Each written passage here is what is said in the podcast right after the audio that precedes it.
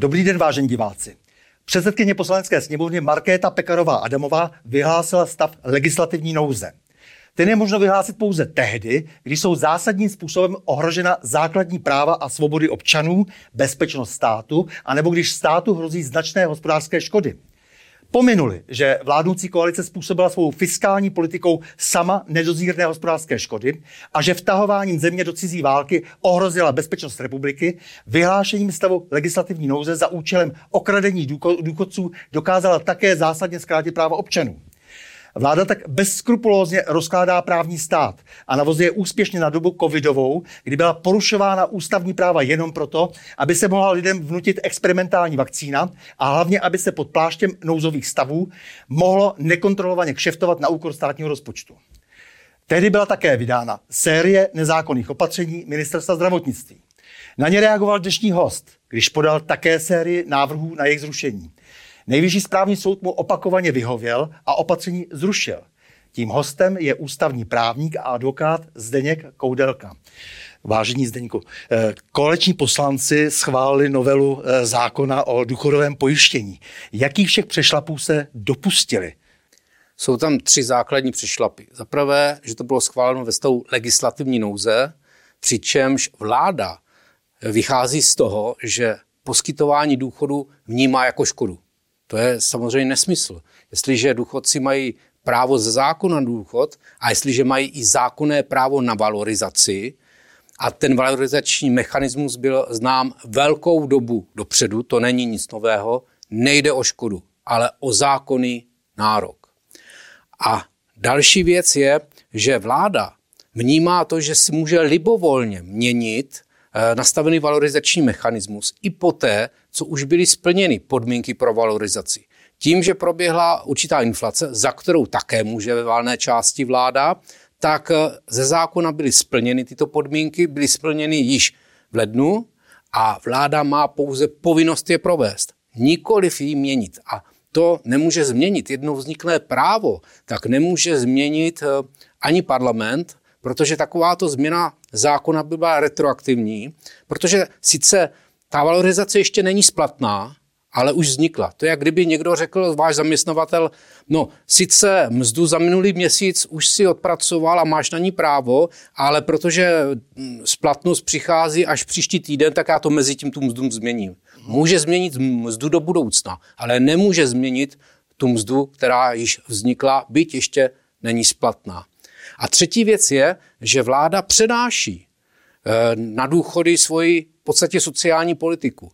Tím, že nevalorizuje důchody stejně a že hm, chce více valorizovat ty nižší důchody a méně ty vyšší důchody, než by odpovídalo inflaci, tak samozřejmě je logické, že ti lidé, kteří mají nižší důchody, si zaslouží, aby jim bylo přidáno více. Ale důchody mají odrážet zásluhovost, jak kdo moc do toho systému přispěl a vyvažování těch sociálních problémů má dělat sociální politika státu, která je hrazena z daní. A v podstatě vláda říká, ano, my ty nižší budeme valorizovat více, protože stejně bychom těm lidem museli dát sociální dávky. Tím, že to zaplatíme v důchodech, tak ušetříme na sociálních dávkách a na to budeme, za to si můžeme koupit od Američanů stíhačky. Takže to je přenášení sociální politiky státu na ty, kteří si přispívali celý život do důchodu a teď jsou okrádení. Jaká bude, jaká bude nyní role Senátu a prezidenta?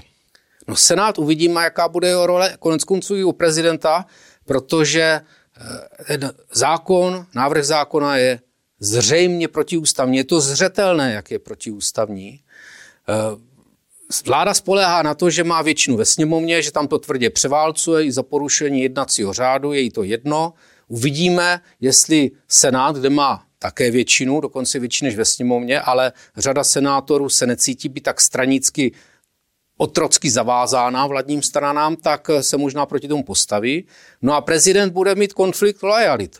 On na jednu stranu říkal, že chce dodržovat ústavu, má to slíbit i ve svém, ve svém slibu a pak by tento zákon měl vetovat.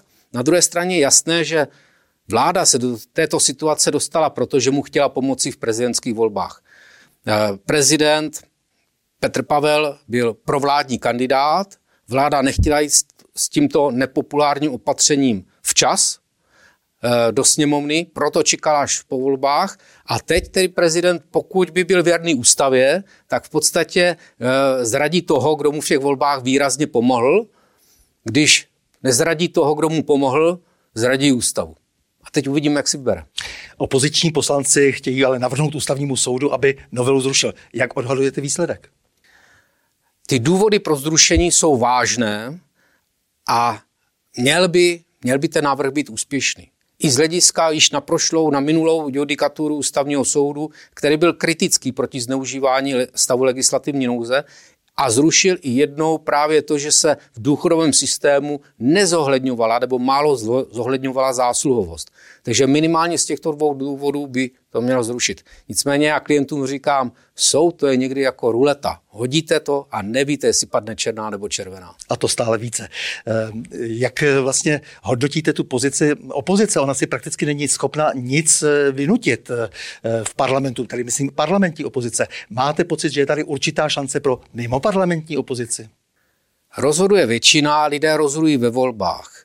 Já jsem konzervativně zaměřen i z hlediska politické praxe, takže příliš nevěřím tomu, že je tady ještě nějaká revoluční doba pro to, aby najednou eh, vznikly strany, které ještě v parlamentu nejsou a získaly dominantní postavení. To, že může vzniknout eh, nějaká strana, která získá 5, 6, 7% to možné je, ale Eh, nevidím zatím situaci, kdyby vzniklo zcela nové hnutí třeba z typu ANO, které zazářilo před deseti lety ve volbách, anebo že by vzniklo, jak když Milan, Miloš Zeman vstoupil do sociální demokracie, že by najednou nějaká 6% strana získala 30%, tak tuto situaci tady nevidím. Spíše spolehám na ty stávající politické strany a rozhodnou voliči v příštích volbách, jestli podpoří ty strany vládní koalice, nebo dají šanci opozici.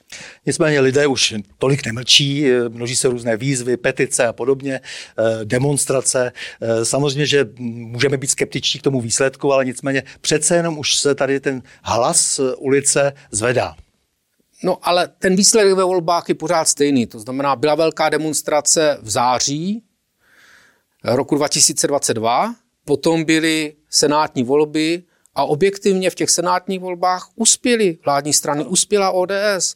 Následovala eh, volba prezidenta republiky a tam zase výrazně uspěl provládní kandidát. Takže jedna věc je nějaká aktivita, na druhé straně otázkou je, nakolik ta aktivita skutečně zahrnuje relevantní eh, většinu ve společnosti nebo jenom nějakou aktivní menšinu. Prostě byla i aktivita milionů chvilek, která se rozpadla, neměla vliv na volební výsledky, takže rozhodují volby, ne demonstrace. Milí Zdeňko, já moc děkuji za rozhovor a s vámi vážně diváci se těším na další pokračování u cyklu O čem se mlčí.